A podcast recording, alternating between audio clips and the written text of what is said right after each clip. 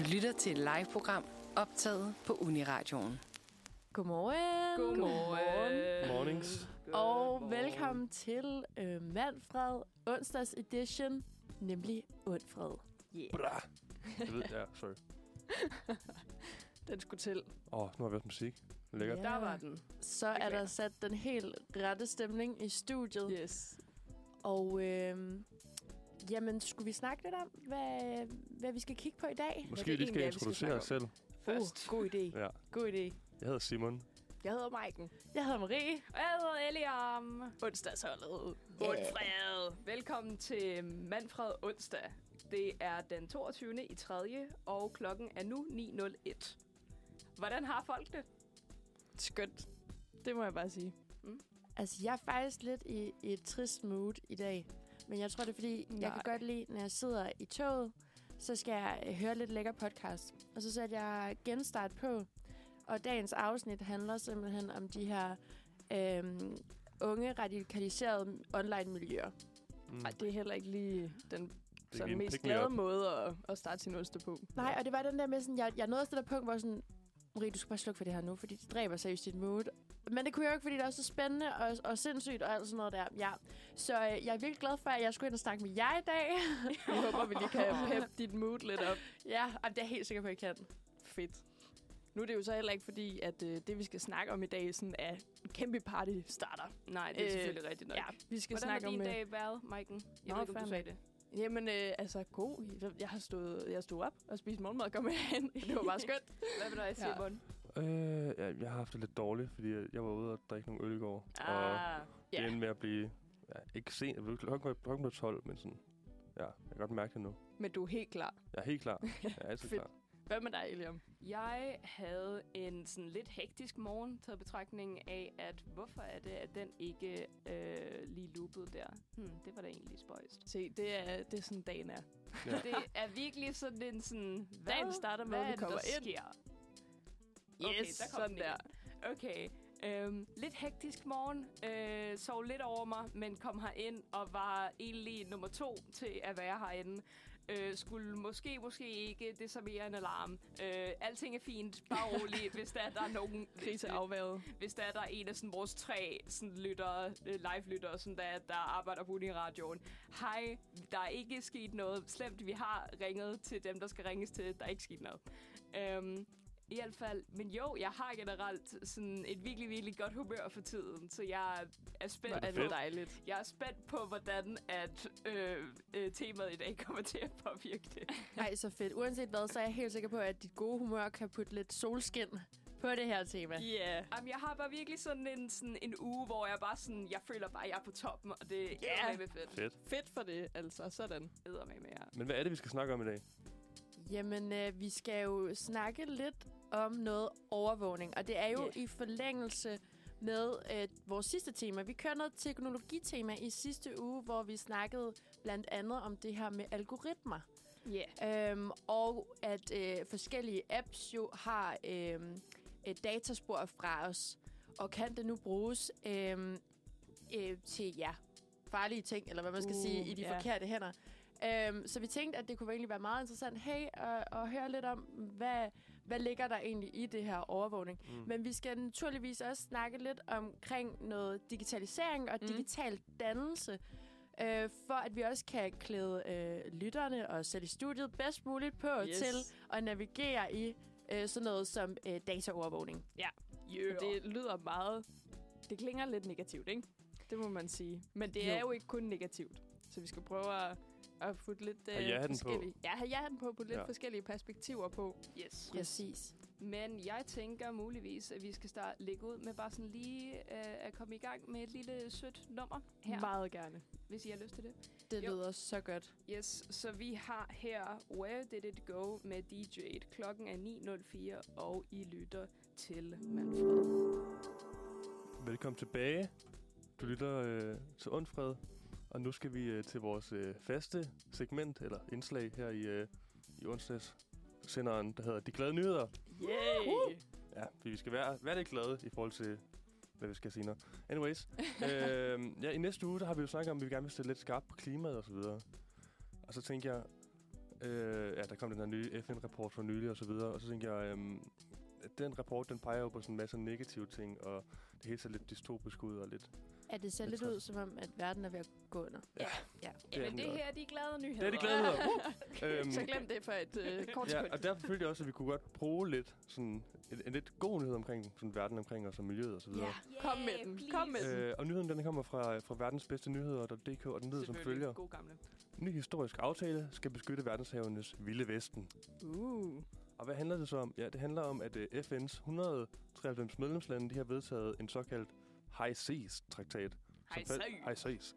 Og den fastslår, at vi, uh, vi simpelthen skal beskytte vores verdenshave lidt bedre. Det lyder som en god idé. Jamen, det, det synes jeg også. Sindssygt god idé. Og for at vi skal sådan forstå den her op, øh, aftale lidt bedre, så skal vi øh, lige, lidt, lige lidt længere tilbage i tiden. Lige få sådan et historisk perspektiv. Øhm, I 1982 så blev lærer, øh, verdens lande enige om, at hvert land de har ret til at bestemme over et havområde, der ligger inden for 200 sømil fra landets kyst. Og det er, det er ofte en god forretning, fordi det både kan give store sådan, turistindtægter og langt flere, flere øh, fisk i nettet, når et øh, land beskytter sit eget øh, havterritorium. Øh, og for eksempel er, fang, øh, er fangsten af tunfisk steget med 54 procent i Hawaii, efter at øh, USA i 2006 oprettede et stort beskyttet havområde. Se, det er jo en god nyhed. Ja, det er en... Ja, USA! U okay, men det var ikke det. Videre. Øh, øh, det kunne USA jo kun gøre, fordi at staten Hawaii det ligger midt ude i Stillehavet, øh, og så giver det så USA sådan nationale rettigheder over et kæmpe stykke åben hav. Kæm- mega smart. Ja, de er sgu så kloge over i USA. Men ja, øh, cirka to tredjedel af verdens hav, havet ligger meget langt fra, altså havet generelt ligger både, meget langt fra både øer og fastlandets kyst. Og her har ingen lande sådan egentlig ejerskab, mens alle lande sådan har ret til at, at, at fiske og, for, og, og forske og fragte varer osv. Øhm, og der er næsten ingen øh, beskyttede hamrødder i de her zoner, fordi ingen lande har sådan, haft ret til at begrænse andres lande til de her områder. Øh, og det har ligget sådan, som en slags øh, vilde vesten ude i havet, uden nogen sheriff i sigte, skriver de. Uh. øh, og så her, den her havtraktat, den kommer ind i billedet, fordi at den vil øh, ikke så meget beskytte... Øh, vil ikke sig selv øh, beskytte så meget som en dråbe af vandet af havet, men havtalen skal blive det afgørende internationale juridiske fundament, nu læser jeg op, som for første gang nogensinde vil gøre det muligt at oprette beskyttede områder langt ude på det åbne hav. Øhm, så simpelthen, det åbne hav bliver lidt mere beskyttet nu ja, af nyheden. fedt. Det er da en god nyhed. Det er det da også, når man tænker på sådan... Hvad, er det, man siger? At det, det er sådan noget 90 procent af kloden, der bare er hav eller sådan Ja. noget. Ja, Det er fuldstændig sindssygt. Så er det også vigtigt at passe på det og gøre noget ved det. det er det virkelig. Det er Jeg tror, det er 70. Men jo, det, Okay, det er stadig meget. Ja. Ja, stadig meget. Over halvdelen. Det kommer dog til at, det kommer til at gå lidt tid, før den træder i kraft, den her aftale, fordi den første skal den vedtages officielt, som det er blot en, sådan, en slags formalitet, men så skal 60 af FN-landene skrive under på aftalen, hvorefter den så skal indskrives i landenes øh, lovgivning. Så ja, vi er på vej, om end det ikke går lidt langsomt, fordi der er så meget byråkrati og så videre. Og det er også skønt. Gør det jo også lidt altid inden for klimaområdet. Ja, virkelig. Altså, Ja, ja, det gør det. Det må skal man hele tiden holde en ny kop, hvor vi får nogle nye øh, aftaler i stand, som måske ikke bliver oprettet Ja. før sådan, øh, at den næste kop er der. Det er også Ja. lidt spændende, sådan, hvad aftalen egentlig konkret går ud på. Altså, Mm. hvad er det, som man skal gøre med lovgivning på de her kæmpe åbne områder af Ja. hav? Ja. Og sådan, når der hvordan står- fortolker de det? Og Ja, noget. præcis. Mm. præcis. Ja, men det kunne da være spændende sådan noget i forhold til fragt. Altså sådan sejlads, når man fragter varer. Sådan, hvad, altså, om man kunne gøre et eller andet der for at, at beskytte de åbne havområder. Mm, det, det er meget, meget fedt. spændende. Jeg tænker også, altså især også noget som, altså bare for eksempel affald og sådan noget, der, hvis man har de her øh, egne områder. Ja. Og, altså sådan, det, er- der er jo generelt meget forurening og sådan noget. Ja. Der Så- kunne komme en eller anden form for afgift, eller sådan, hvis man forurener på Åben de hav. fælles områder, fælles havområder. Ja. ja. Ej, det burde, det burde der være. Det ved Ja. jeg faktisk ikke engang, om der Ja. er i forvejen. Det er en god nyhed, Simon. Det er Tak for var så lidt. os den. meget. Nu bliver vi alle lidt glade. Føler Ja, det hjalp lidt. Kæmpe smil i spillet. Ja, ja, var ja. præcis. Det var fint. Så godt. Men jeg ved, hvad der kunne få endnu et smil på læberne hos os alle sammen. Og det kunne jo være et lille stykke musik. Uh, Jo, det lyder det- lækkert. Jo, det kunne da Overgang. godt være, Maria. Og ej, hvor er det en lækker segway. Jo, ser I. Nu skal vi lytte til Reckless med Moim selv. Velkommen tilbage til Utfred. Som jo i dag stiller skarpt på overvågning. Yeah. Men altså, øhm, det her med overvågning, altså sådan, det var også det, vi snakkede om i sidste uge, at det er faktisk lidt svært at finde ud af, øhm, hvad, hvad, hvad dækker det over? Det er lidt et fluffy begreb på en eller anden måde. Ja. Ja. Det er det nemlig. Og, og nogle gange, så tror jeg heller ikke, at, at vi er klar over, altså sådan, hvor meget øh, overvågning sådan, i virkeligheden har af indflydelse i vores samfund og sådan noget der. Nej. Men øh, vi kunne jo måske starte med at prøve at slå ordet op for at få lidt mere klarhed. Det lyder som en god idé. Ja. ja. Og Maiken, kunne du tænke Jeg er, dig lige at jeg er opslutningskvinde. Fedt. Yes. jeg vil nu gå ind på den danske ordbog. Dejligt ord allerede. Ja. Opslutningskvinde. Det kan vi også slå bagefter. Klassisk ord. Klassisk, klassisk ord. Klassisk stilling. har Det står på været i retskrivningsordbogen Yes. i op til flere år. Lige præcis. Jeg slår nu overvågning op. Og overvågning, det er et substantiv, det er fælleskøn, og har bøjningerne overvågningen, overvågninger og overvågningerne. Ja, så ved vi det. Definitionen er, det at overvåge. Så det gør os jo meget klogere. Definitionen er definitionen. Definitionen er at overvåge. Ja. Altså, hvis det er, så har jeg faktisk lige slået overvåg op. Ja. Og der står øh, betydninger. Holde øje med. For eksempel for at beskytte eller kontrollere. Mm. Uh. Og der står også den her i, altså ord i nærheden. Føre tilsyn med. Have tilsyn med. Holde justits. Undersøge. Underkaste. undergive. Med mere. Der kan man jo sige, mere.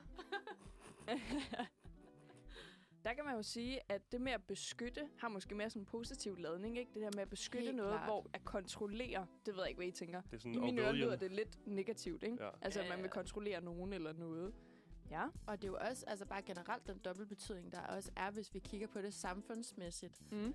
Altså, øh, når, når øh, for eksempel statsministeren og regeringen kommer ud med et nyt øh, forslag til overvågning. Altså, jeg tror, det sidste, det var, øh, det var i sådan noget 2019, Mm. øh, hvor man ville sætte flere øh, overvågningskameraer op øh, på blandt andet S-togstationer. Ja. For ligesom at forebygge kriminalitet og sådan noget der. Og så bliver det den her med sådan, nu beskytter nu vi vores beskytter vi samfund. samfundet. Ja.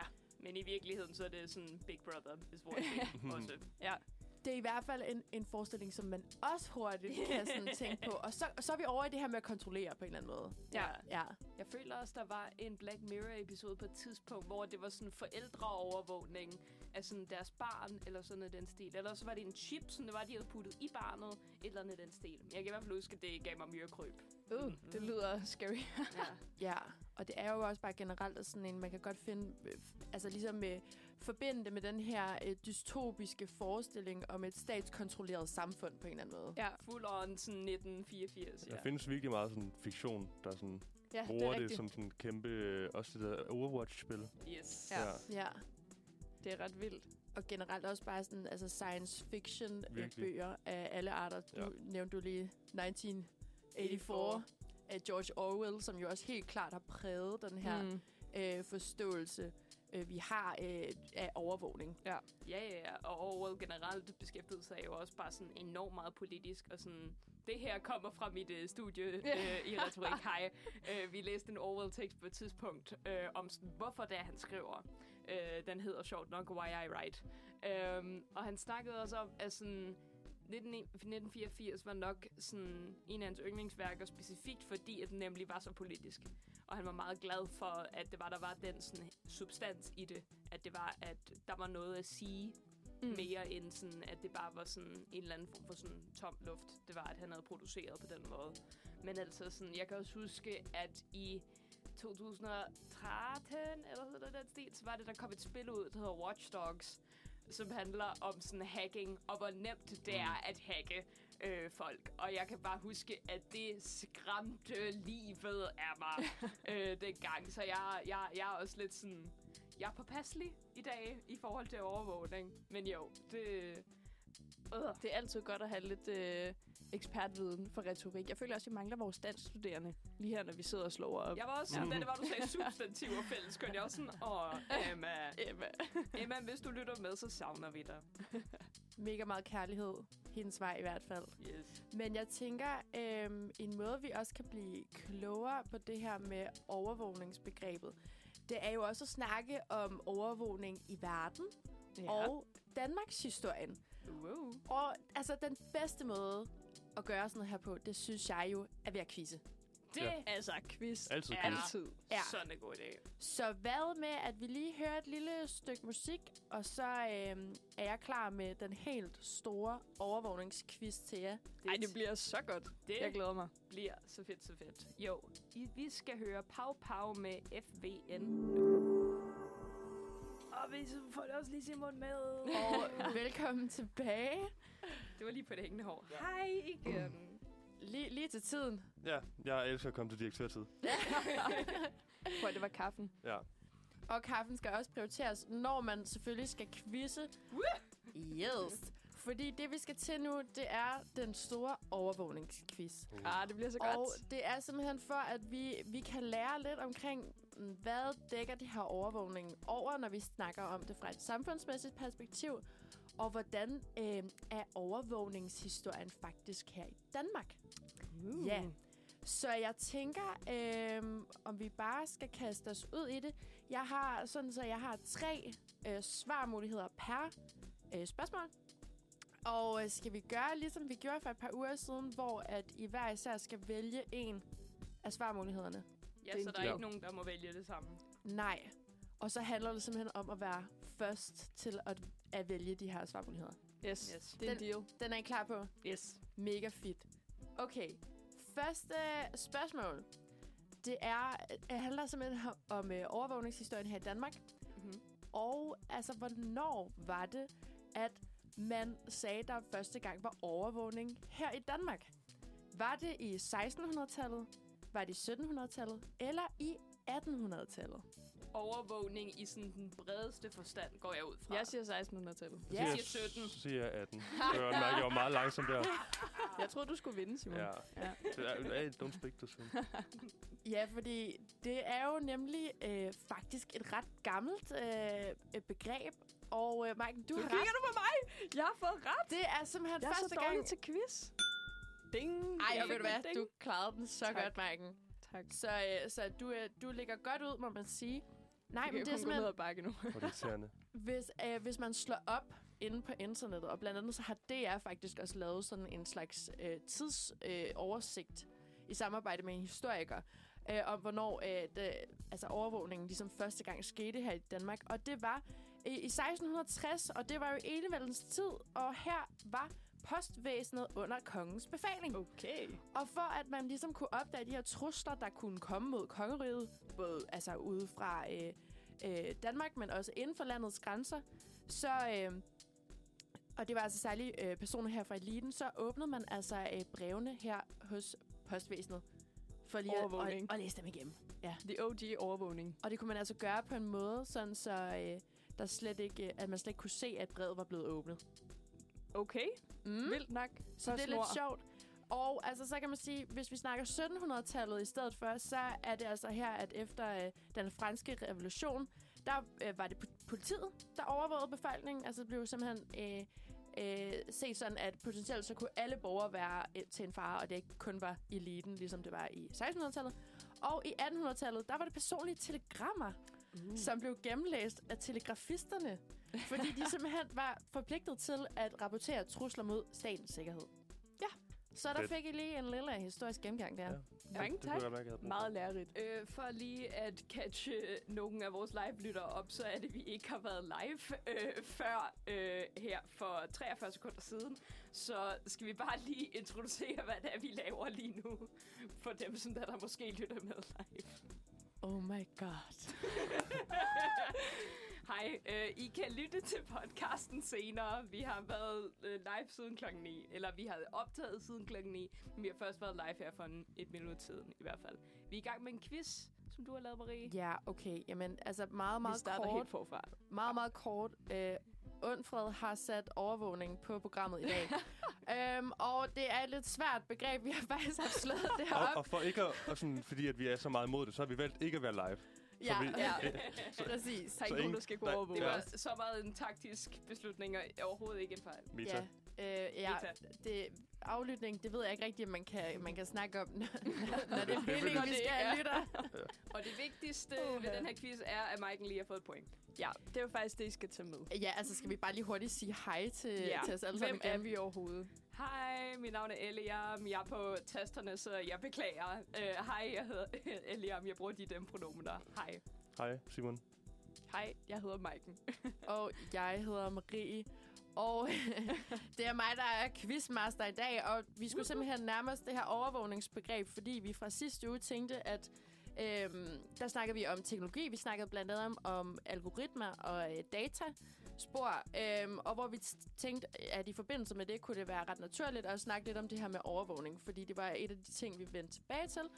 Øhm, og vi skal, ja, den her quiz, som vi er, i gang, vi er i gang med, det er den store overvågningsquiz, Yeah. som, øh, ja, vi skal øh, ja, blive lidt klogere på det her med overvågning i hvert Ja. fald. Ja, og Fedt. vi har lige fundet ud af, at faktisk så... Øh, Postvæsenet overvågede os hele vejen tilbage i 1600-tallet. præcis, i 1660. Sindssygt sejt.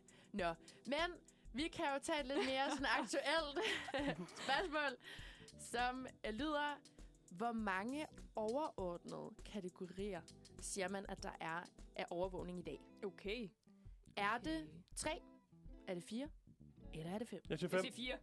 Jamen, så siger jeg tre.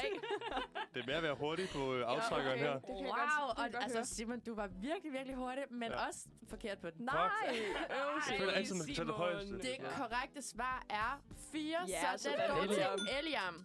Yeah. Og de fire kategorier siger man er videoovervågning af den første. Og det er altså, hvor kamera placeres øh, på øh, huse eller offentlige pladser med mere.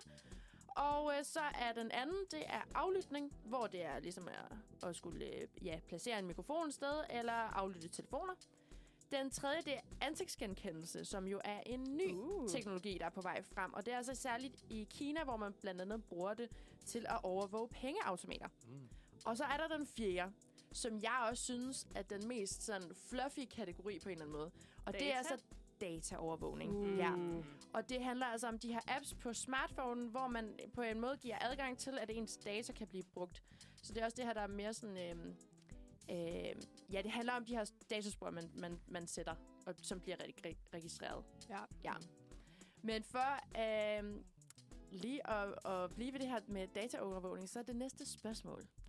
Det lyder Uh. på, hvad kalder man også dataovervågning? Kalder man det 1. Deltagende overvågning 2. Algoritmebaseret overvågning eller 3. Intelligent Jeg overvågning? siger To, deltagende. to, to, to, to. Okay. Jeg siger deltagende. Algoritme. Well. Mike, du, du skal bare kaste dig i kamp. Ja, okay. Jeg skal være noget hurtigere. Sorry. ja, okay. Men det rigtige, det er 1. Ja! Deltagende overvågning. Sådan, Simon. All, den. all even. Giv ham hans sting. Kom med det.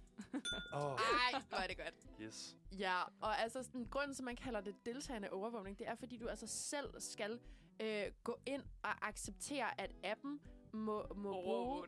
Lige præcis. Altså, og, og at man aktivt tager del i en socialisering, som foregår online, og så via den ligesom sætter nogle dataspor. Øhm, så derfor så, så det, er- den er altså ikke på samme måde... Øhm, øhm, altså, hvor det... Ja, okay. Det, man er altså med til at have sådan en aktiv rolle i at blive overvåget, hvor Ja. man kan sige, at i de tre andre kategorier, der er man mere sådan en, en passiv Der kan man Øh. ikke rigtig gøre ved til eller fra. Præcis, Ja. præcis. Mm. Nå, okay. Jamen, altså, stillingen er indtil videre, at I har et point hver. Fedt. Så øh, skulle vi ikke lige høre lidt musik, og så øh, kan vi jo vende tilbage til Min- kvinden. Det Min tanke er også, at det er en ideel situation at gå til øh, musikbreak på. Vi har her Jylland kalder med Long Island eller Long Island, hvis du er engelsk. Her har den. Og det er i hvert fald det bedste, når man også husker at sende live. Ja. ja. Men velkommen tilbage, og øh, vi, øh, vi sender Undfred i dag, og har overvågning på programmet. Vi er i gang med den store overvågningsquiz. Yeah. hvor vi lærer lidt omkring øh, overvågningshistorie og øh, overvågning generelt i samfundet. Og det næste spørgsmål, jeg har til jer. Øh, er I klar? Jeg er så klar. Jeg prøver at være Så jeg hurtig bliver nu. eksploderet af Indtil videre spænding er lige nu. stillingen, at det er uafgjort. ja. Alle har fået et point hver, mm. men der er stadigvæk øh, gode spørgsmål nu. Yes. Vi snakkede om det her med, hvilke typer af overvågning, der findes. Og der var blandt andet videoovervågning, en af de slags overvågninger, som man også bruger for eksempel her i Danmark. Og så vil jeg gerne spørge jer, hvornår begyndte man at bruge videoovervågning, ja, her i Danmark? Var det i 1970'erne, 1980'erne eller 1990'erne? 70. 80. Nå, så, ja, så siger jeg 90. Hvorfor? I skal I ikke tænke over det? I er bare lynhurtige, altså. Min tanke var sådan, at jeg tænkte allerede på sådan, okay, hvornår var det videokameraet Ja, var det- sådan det- almen ja. praksis. Og jeg var sådan, der fandtes sådan farvede sådan kamera i 60'erne. Så jeg sådan, 70'erne virker som et godt bud. Jeg synes også, 80'erne lød Ja, rimelig men nu godt. tror jeg altså, det er 90'erne. Ja, Og det er det ikke, Marie. Ja, jo, ja, det er det faktisk ikke. Nej, nej. Åh. Øhm, den her, den går sgu til Simon igen. Ja, man! Hallo? Ja, He's nok. back. Ja. Ja, det, jeg dæmmer mig lige. Nej, Jeg kom med jeg skal, det. jamen, jeg skal ikke jinx Ikke Jeg går meget Nå, op i det okay, okay, fair nok. Ej, det er så godt at høre. Men øh, det var i 1980'erne, at man begynder at bruge øh, videokameraer i Danmark. Øh, de begynder simpelthen at dukke op i gademiljøet og bruges af politiet, forretningsdrivende og blandt andet PET. Og det er jo uh. også Uh. her i 1980'erne, at man generelt brug, har brug for sådan der mere overvågning, fordi det jo også er i forbindelse med den kolde krig. Ja. Ja. Ah, ja. Så øh, Skud ud. Ej, oh, nej. Det giver, men ikke. det, Nej, nej, Jeg ikke. Men altså modsat så for eksempel i 1990'erne, der begyndte man så at aflytte og overvåge mobiltelefoner. og det var jo det, Ja. jeg tænkte på. Ja, faktisk. det tænker jeg nemlig også, det var det, du tænkte på. et skridt foran. Så Jeg godt. tænkte også, det var det, du tænkte på. Okay, ja. Men altså lige for at komme lidt øh, nærmere en, en nyere overvågningsperiode, Mm-hmm. øh, tættere på den i dag, øh, her i Danmark, så vil jeg gerne spørge jer. I hvilket år kom der en ny og skældsættende lovgivning i Danmark, der gjorde, at alle danskere fra dag af blev overvåget?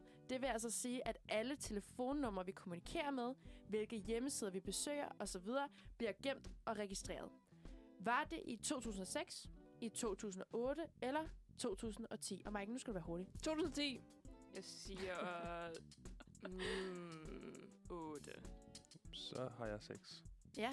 Og ved du hvad, Simon, det skal du faktisk være glad for, Ja, fordi ja. 2006 er det rigtige svar. Okay. Jeg var aldrig i tvivl. Nej. Simon, Må jeg bare du kører sige. med klat. Ja, Og det er kæft, jo, der skete jo det, at øh, den 11. september 2001, der var der de her terrorangreb øh, i USA på World Trade Center og Pentagon. Og det satte altså en bølge i gang verden over, og blandt andet også her i Danmark, hvor man øh, indførte den her nye lovgivning, som gav altså flere ressourcer til PET, og som skulle være med til at forebygge terror. En bølge, der Okay. startede i 2001, sådan blev først enacted i 2006. Jamen, øh, men det er fordi, det går lidt langsomt her i Danmark. Det okay. De var, de var noget hurtigere ud, over i USA, men altså, øh, jeg tror lige, øh, der skal Danmark lige bruge fem års tid på lige at etablere et eller andet. Ja, sådan er det i USA. Ja. Okay. Men nu skal vi helt tilbage til nutiden. Eller helt frem til nutiden. Det var Tilbage det. til fremtiden. Tilbage til Tilbage til fremtiden. Nej, men vi skal snakke lidt om overvågning i verden. Og så vil jeg bare høre jer, hvilket land tror I er det mest overvåget i verden? Uh. Er det USA? Det siger jeg. Er det Storbritannien? Eller er det Kina? Kina. Det er lige Åh. før, jeg tror, det er Storbritannien. Men så passer det jo meget fint, så har I taget en hver. Mm. Og øh, der kan jeg lige så godt sige, Mike, you back. Yes! Fedt, altså. Det er Ding nemlig til dig, Maiken. Kina, Tak. Mange der er tak. det mest overvågede land i verden. Det Og- mening. Jeg har simpelthen googlet øh, internettet løs, altså sådan øh, for at, at, at finde ud af det her, fordi Ja. ja. der er rigtig, rigtig mange parametre, man kan måle det her med overvågning på. Altså er det for eksempel sådan noget som dataovervågning, er det øh, videoovervågning osv., fordi så fordeler det sig altså forskelligt. Men ifølge øh, Statista, som er den her online-platform, der øh, viser data fra januar 2030, at Kina er det mest overvågede land i verden, fordi stort set hele befolkningen er påvirket af statens stramme brugerrestriktioner på internettet. Mm. Så Ja. altså, det er den her øh, kontrollerede overvågning, vi snakker ja. om. Og det er altså øh, lige omkring 1,4 milliarder. Øh, mens Kina er stærkt øh, efterfulgt af Indien på andenpladsen, Okay. som har 1,3 milliarder mennesker, der simpelthen er påvirket af det her overvågning. Og så er Pakistan på tredjepladsen med 220 millioner. Sindssygt. Jeg Ja. vil faktisk lige hurtigt knytte. Jeg har faktisk øh, øh, boet i Kina i en måned. Og øh, boet hos en værtsfamilie, hvor jeg virkelig oplevede det der overvågning. Det var fuldstændig vanvittigt. Og der er jo selvfølgelig alle de her ting med, at man ikke kan tilgå Facebook og øh, hvad der nu ellers er firewalls. Men altså sådan kamera på gaden. Så når folk kører bil, sådan, så bliver der bare... Det bliver tracket, hvis man kører for hurtigt, eller kører over for rødt, eller... Ja, det er ret vildt. Ej, det, det er også ja. sindssygt. Men, men altså, lige i forhold til det, ikke? Altså, fordi jeg tror også, øh, det her med, om, om kameraer, de for eksempel er sat op, det er noget andet, hvis man aktivt går ind og bruger dem på den måde, Ja. som du fortæller om, ikke? Ja. Altså, så er det virkelig sådan en, en kontrolleret form Ja. øh, for overvågning. Ja, der er Ja. det der sikkerhed, og så er der kontrollering, ikke? Vi snakkede om, da vi slog begrebet op tidligere. Præcis. Ja. Og så lige for at runde quizzen af med det sidste spørgsmål. Uh. Vi var inde på det her med kameraer. Jeg har brug for sådan, Så- hvem vil være millionær-musikken. Sådan. Ej, men er, er det egentlig Christian Dein, der er vært på Ja. stadigvæk? Jeg kan, kan, nu jeg Må vi spørge dig? Nu er jeg Christian Dein. Nej, desværre. Desværre, Simon. Jeg Den vil går gerne ikke. fjerne halvdelen af svarmulighederne. Nej, men prøv at, der er vi så heldige, at der er tre svarmuligheder også til det sidste spørgsmål her. Og I er tre mennesker. I får lov til at vælge et hver til det her spørgsmål. Hvor mange kameraer per indbygger var der i Danmark i 2019? Hvor mange kameraer Altså overvågningskameraer. per indbygger? Eller Ja. bare kamera generelt? I 2000 og hvad, sagde du? Altså overvågningskameraer Okay. sat op i Danmark i 2019. Ja. Okay. Er det øh, et kamera per 10, øh, 10. indbygger? Er det et, et kamera per øh, 6. indbygger? Eller er det et øh, kamera per 4. indbygger? What? Fjerde. Så siger jeg per tiende. Per sjette. Og det korrekte svar er per 4. Ej, Indbygger. hvor vildt. Men det Er betyder også, at jeg vinder! Ja! Tillykke, Lidt Simon. af- Vi kan lige afdæmpet- klappe af af- Afdæmpet jubel. Men, ja. Det er rigtigt, og, men inden vi lige hylder dig, Simon, så, ding, altså, Simon. så er det sådan, at i Danmark, der har vi 1,5 million kameraer sat op rundt i landet. Men det tæller altså både de her offentlige øh, kameraer fra myndigheder, men også firmaer og privater. Okay. Øhm, og det betyder simpelthen også, at Danmark er et af verdens mest videoovervågede lande. Øhm, Okay. Og altså, Vildt. nu de her tal selvfølgelig fra 2019, men altså, det er stadigvæk rimelig, rimelig tæt på. Så jeg tænker, at vi godt kan, kan nogenlunde rely on, on these uh, statistics. Yeah. Øhm, og det er faktisk også sådan, at øh, Storbritannien, som ellers set, er, eller et, mest har set som øh, det mest overvågede land, øh, de har kun et kamera per 10. indbygger. Og det betyder altså, at Danmark får føretrøjen, og faktisk også i forhold til Kina. Ej, okay. Ja! Hvor er det vildt. Hvor er Men det er til gengæld også, fordi der er så mange mennesker i Kina. Præcis. Og man kan sige, det er også en anden slags overvågning. Og jeg er heller ikke sikker på, at hvis vi sammenligner de her tal med i forhold til Kina, at, at det så øh, også er for eksempel private, øh, Ja. Der, der hører med under det. Men i hvert fald øh, give en kæmpe stor hånd til vinderen af den store overvågningsquiz. Det er Simon! Simon! Jeg lukker mine øjne og hæver min arm lige nu. Ej, jeg er glad. Så flot. Enjoy det kan jo the kun, moment. Det kan jo kun fejres Ja. med et stykke musik. Eddermame, eddermame godt med de, her, med de her transitions i dag. Jo, vi har, når det en dag bliver sommer, med Rasmus Mathisen klar til jer nu. Velkommen tilbage til Manfred onsdag, onsfred, Ja. hvor vi uh, stiller skarpt på ja, overvågning og så videre. Um, og nu vil vi snakke lidt om uh, digitalisering i Danmark, fordi at uh, FN de har for tredje gang i træk kåret Danmark til, det, til verdens, mest, uh, verdens bedst offentligt digitaliserede land. Uh, det gjorde de i 2022. Wow. Yes. Sikke en ære. Øh, og det skyldes øh, blandt andet de her mange øh, selvbetjeningsløsninger, som vi har, øh, som gør det nemmere for ja, os alle sammen med digitalt kørekort, e-boks, øh, MitID, NemID, bank på telefonen, alt sådan noget der. Ja. Ja, og hvordan har I det med det egentlig? Altså, at vi har alt lige ved hånden. Er det noget, I tænker over? Er det noget, I sådan er, er bekymret for? At sådan, Ja. Jeg tror, min umiddelbare tanke er, at det er ret luksus. Jeg kan godt lide, at jeg bare lige kan klikke ind og se, øh, hvor mange penge jeg har tilbage på mit kort, eller Mm. altså øh, tjekke en besked i e-boks. Men når nu du spørger, og Ja. vi snakker om overvågning, så øh, er det også lidt skræmmende. lidt bekymrende måske? Ja, Indtil for meget lidt tid siden, så var det, at jeg ikke havde mobilbank, fordi jeg netop også bare var sådan, jeg har ikke lyst til at have min bankinformation og mine bankoplysninger sådan, sådan klart tilgængelige på min telefon, fordi jeg netop var bange for det. Men samtidig så er det også bare så praktisk. Og altså sådan, jeg mangler lige sådan et eller andet form for sådan, ja, rejsekort eller et eller andet sådan på min telefon, men udover det er det helt, rimelig, rimelig okay, synes jeg i hvert fald. Altså, jeg tænker også umiddelbart, at det er så fedt bare at kunne rende rundt med min telefon, og det er det eneste, jeg behøver. så har jeg simpelthen bare adgang til stort set alting. Ja. Men altså, nu har vi jo også lige talt om det her med dataovervågning. Ja. Og jeg tænker bare, at i forhold til for eksempel at modtage ting per post, Mm øhm, hvor det er et, et brev, man ligesom får hjem i sin postkasse øh, øh, øh, omkring øh, et eller andet, øhm, så at, at jeg altid har det på telefonen, det betyder også bare, at jeg sætter de her dataspor. Altså, det, Ja. alle mine inf- informationer bliver jo gemt og registreret. Vi lærte jo så Ja. også, at i 1600-tallet, der tjekkede postvæsenet ens post, så det er jo så heller ikke Ej, helt... det- Men ja. Det er du ret Ja. Men det er jo ikke særlig tit, at man får enig. post fra det offentlige mere. Altså sådan næsten Nej, det alt går jo rigtigt. igennem e-boks. Nej, vent, øh, digital post på borger.dk Ja. ja. hedder det nu. Ja, og umiddelbart så skal man også tænke, at grunden til, at alting kan være digitalt, det er vel også fordi, det, det bør være sikkert. Ja, det bør. Ja, Det er ja, ja, men der. det, det er fordi, Word. Ja. jeg tør, jeg tør ikke rigtig sige noget, fordi jeg har simpelthen ikke styr nok på det, og det der også ja. er faktisk lidt, lidt svært, fordi Ja. jeg ved ikke i hvor, hvor høj og- altså, grad, at, at mine ting, de bliver nemlig altså sådan gemt og, og kan blive, blive Ja. brugt. Altså det tror jeg ikke, Man må gå ud fra, at være det er bange sikkert, men alligevel så kan nogle hacker gå ind og hacke DSB og stoppe al togtrafik i Danmark sådan relativt nemt. Øh, så på den måde er det sådan, okay, men hvad, hvad kan man så ellers få adgang til? Jeg tænker også, at man er sådan lidt mere sådan tilbøjelig til at sige ja til de der små aftaler, hvis man bare får det på telefonen, end hvis man får et brev med sådan... Altså, ja, det gør det måske lettere for så staten at overvåge en. på Jeg måde. Jeg tænker faktisk også bare blandt andet det der med altså sådan at blive hacket. Altså, der er jo også rigtig mange, som modtager alt muligt forskellige, altså phishing, øh, Ja. ja. mails og sådan noget der af blandt andet øh, hackere, som, som udgiver sig for at være øh, skat eller Ja. ens bank eller så videre, så videre. Og det er derfor, du aldrig nogensinde klikker på et link, du har fået Mm. i en mail. Præcis, men det er Eller bare, en sms. det kan også nogle gange være virkelig svært at navigere i, fordi hvis man for eksempel sidder.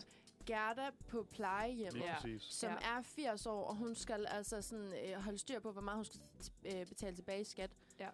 så øh, altså, kan hun, hun jo godt falde i. Der vil jeg også bare sige, at min mor, der lige er fyldt 61, spørger ofte mig og min søster sådan, hey, altså vil I lige kigge på det her? Er det, er det rigtigt, det her? Sådan, og nogle gange kan jeg selv blive i tvivl. Altså sådan, det er, Og så tænk dem, der ikke har Ja. det netværk. Ja, tænk så på der dem, der ikke ikke- kan ja. spørge sig råds. Ja. Ja. det er Ja. faktisk virkelig skræmmende. Og altså, der vil jeg så sige, key til ligesom at, at læse de her mails og finde ud af, er det, er det snyd og bedrag? Der er virkelig ikke særlig mange af de her øh, typer, der kan finde ud af at stave ordentligt. Nej, det er rigtigt. Der er rigtig mange stavefejl. Og der er også sådan noget med de billedfiler, som der, der bliver lagt ind. Sådan, tit og ofte så er det sådan, layoutet kommer til at være anderledes, end det Mm. plejer for for eksempel skat, eller fra din bank, eller sådan noget i den stil. Og så kan det også bare være, at sådan, hvis det er, at det bare ser mærkeligt ud, så er det nok Så er det nok mærkeligt. Og så kan der heller ikke findes så mange nigerianske prinser, Nej. som vil have mine penge. Nej, det er også det. Men man kan sige, hvis man så får trykket ind på det her link på sin telefon, så altså fordi alting er samlet der, Ja. så har man jo lige pludselig adgang til det meste. Mm. Altså, Ja, det er bare lidt, det er lidt skræmmende at tænke på. Ja, hvis man lige mister sin telefon også, eller glemmer den derhjemme, så kan du så ingenting. Du kan ikke, øh, du kan ikke køre bil, fordi dit kørekort er på din telefon. Du kan ikke betale for noget, fordi dit kort også er på din telefon. Du kan ikke, øh, altså sådan, dit sygesikring, hvis du skal til lægen, eller ja. Men mindre selvfølgelig, du har en punkt, hvor alle de her ting også er Men det har man bare slet ikke. Nej, Jeg, Ej, jeg tager det i hvert fald ikke men det med. har jeg ikke. Altså, det har jeg helt ærligt ikke. Jeg burde måske have min punkt med. Men jeg har min telefon med. Og det er også derfor, det er skide smart. Det er det virkelig. Men nu vil jeg så sige, smart og smart. Altså, nu må jeg bare sige, hvis der er nogen her fra uh, NemID, der lytter med, så, så vil jeg gerne klage. For mit ID, det virker ikke. Det virker ikke halvdelen af gangene, og det er så irriterende, når man så ligesom er afhængig af, at uh, teknologien virker, og så det ikke virker. Hvorfor Alt- virker det ikke? Jamen, jeg ved det ikke. Den afviser mig bare, Nå. når jeg skal betale ting med mit kort, som Det er, er lidt dyre. Trist. Jeg har Det er virkelig irriterende. aldrig nogensinde haft et problem med mit i dag. Nej. Nej, Og så har er det, jeg bliver sådan lidt omkring overvågning, sådan, når den så afviser mig, og jeg sidder der og sådan swiper øh, 1200 kroner fra mit kort, eller et eller andet, jeg er sådan, okay, hvem, har, hvem kan komme ind på det her? Eller sådan, har jeg sagt ja til noget nu?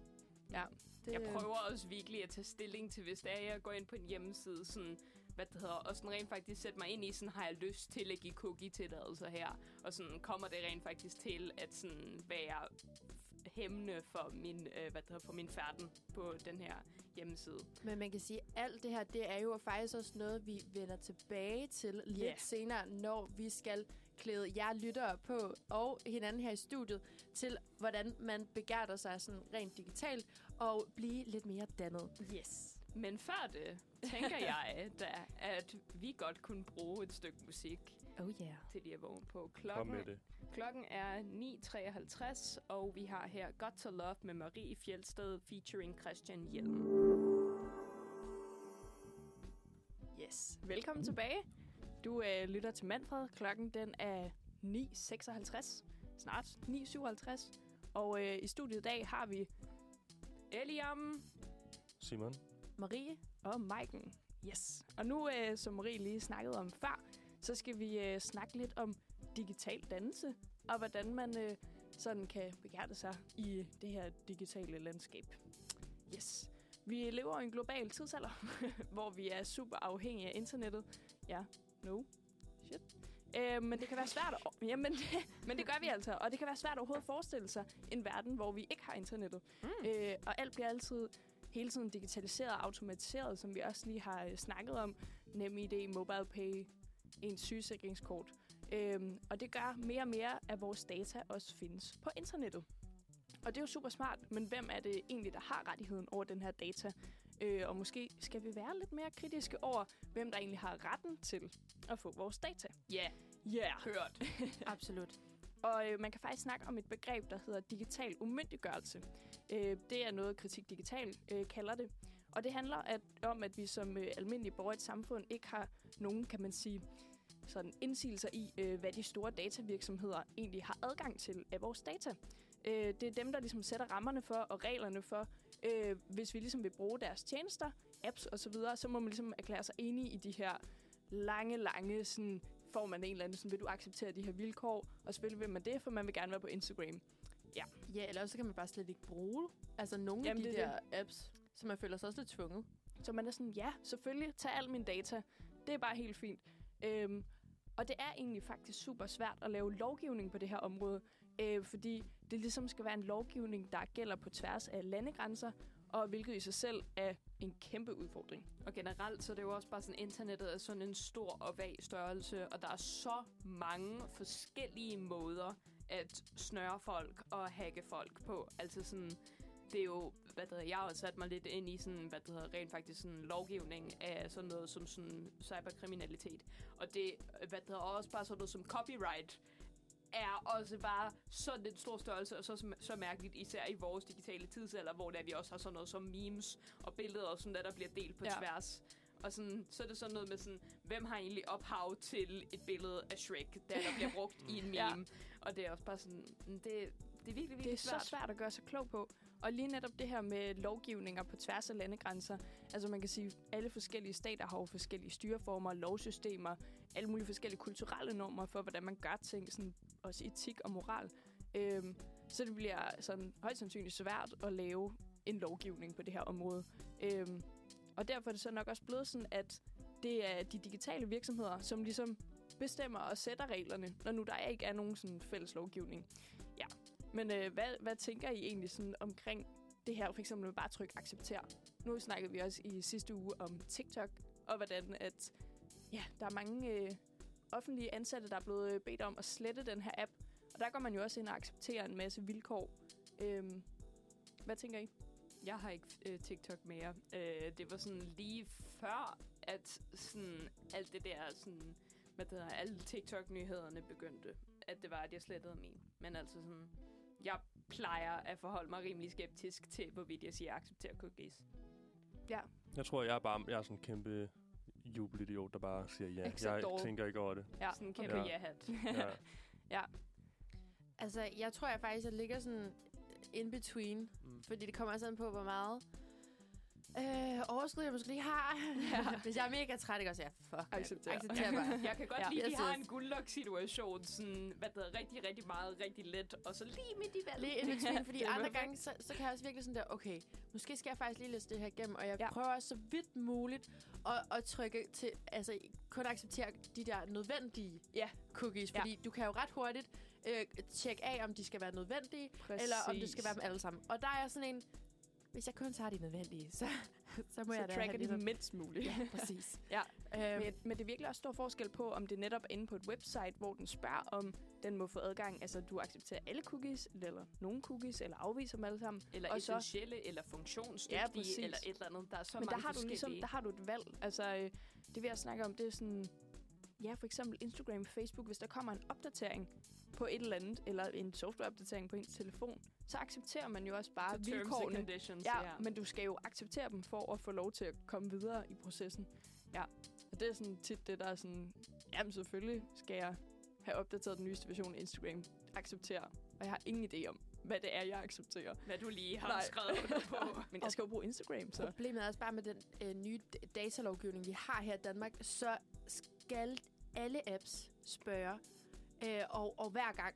Så det er også sådan en, når man så hver eneste gang, man skal opdatere noget, eller få en ny app, eller whatever, øh, ind på en hjemmeside også for eksempel, så skal man jo bare trykke acceptere. Og så, altså hvis man sidder, jeg synes tit, jeg sidder og laver sådan nogle Google-søgninger, øh, og så har jeg jo 700 faner åbne, Ja. og så skal jeg fandme acceptere dem alle sammen, ikke? Altså, og jeg ved godt, at jeg bør måske lige læse. Det er lige meget. Det er lige bare... Simon, Ja. Simon siger, det er lige Det meget. er lige meget. Okay. Don't worry about it.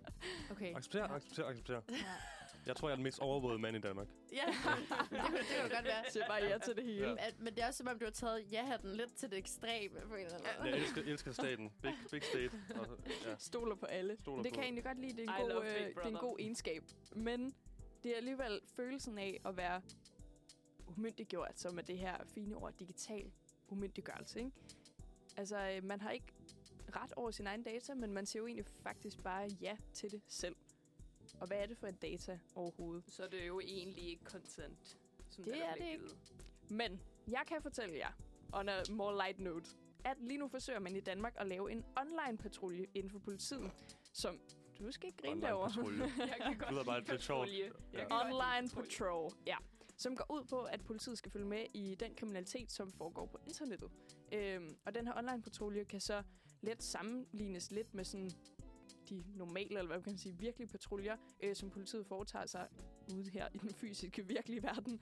Øh, men det er så problematisk også her at lovgive øh, om en online patruljering, fordi at man ikke altså som internetbruger er bevidst om, at politiet kigger med. Står man ude på strøget og ser, at politiet går rundt, så kan man ligesom fornemme, at de er der, ikke? Men, øh, men det ved du ikke online. Hvad tænker I om det? Er det... Nu griner du bare, Simon. Jamen, det er bare, jeg fik bare sådan associationer til Paw Patrol. Ja. Så det, det tog mig lidt ud. Jeg tænkte på en spejderpatrulje og sådan grønspætterne fra Anders And. Men til gengæld, jeg kan rigtig godt lide sådan... Jeg kan godt lide ideen. Online patrulje. You go, online Ja. Det mindste bliver der sat et eller andet i gang. Men bliver det ikke en slags Ja. overvågning i sig selv, hvis de Ja. kigger lidt med? Det kan man jo så også bare sig selv om. Okay, men det er også bare, vi er inde i sådan en... Altså, du kan ikke Nej. Undgå det i det Nej. Samfund, vi har i dag. Altså, og, Overhovedet. Nej. og jeg synes det også, det, også, det er fint, altså, fordi generelt, så synes jeg også, at der bør også være, fordi øh, internettet er så stort, og vi faktisk agerer generelt anderledes på internettet, end vi måske vil gøre ude i den virkelige verden. Øhm, så synes jeg også, det er vigtigt, at det på en eller anden måde øh, øh, bliver taget hånd om det. Men altså, sådan, ja, jeg ved sgu heller ikke. Sådan Nej. En patrulje, det, det er sikkert en god idé, men altså spørgsmålet er, om den også øh, fungerer godt i, øh, i realiteten. Ja. Det bliver spændende at Det se, hvad der sker på med det. Så meget. Ja. Ja, det er det. Mm. Mm. Øh, så vil vi bare lige, eller jeg vil lige hurtigt slå et slag for øh, Manfred-episoden, hvor at øh, Mikkel Winter fra Kri- Kritik Digital, som vi, øh, som jeg også snakkede lidt om i starten af det her speak, fortæller om det her med digital myndiggørelse, og hvilke udfordringer og dilemmaer, som internettet ligesom har ført med sig.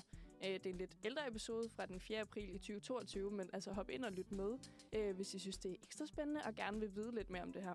Og også måske det her med at komme i dybden med sådan og sætte, ja, sætte jer ind i de her dilemmaer for også at og, ja, beskytte jer selv på en eller anden måde. Yes.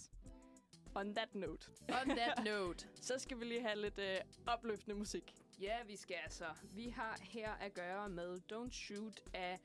Okay. Yeah, no good for back. Channel Good for Back. Yeah. elsker det navn.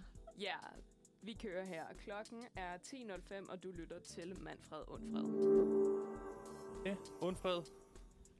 Vi er tilbage, skulle jeg sige. Det var, okay. det blev lige lidt hektisk. Øhm, ja, vi skal fortsætte vores øh, snak, og vi skal komme ind på, øh, på GDPR. Uff. Og GDPR, det står jo simpelthen for General Data Protection Regulation.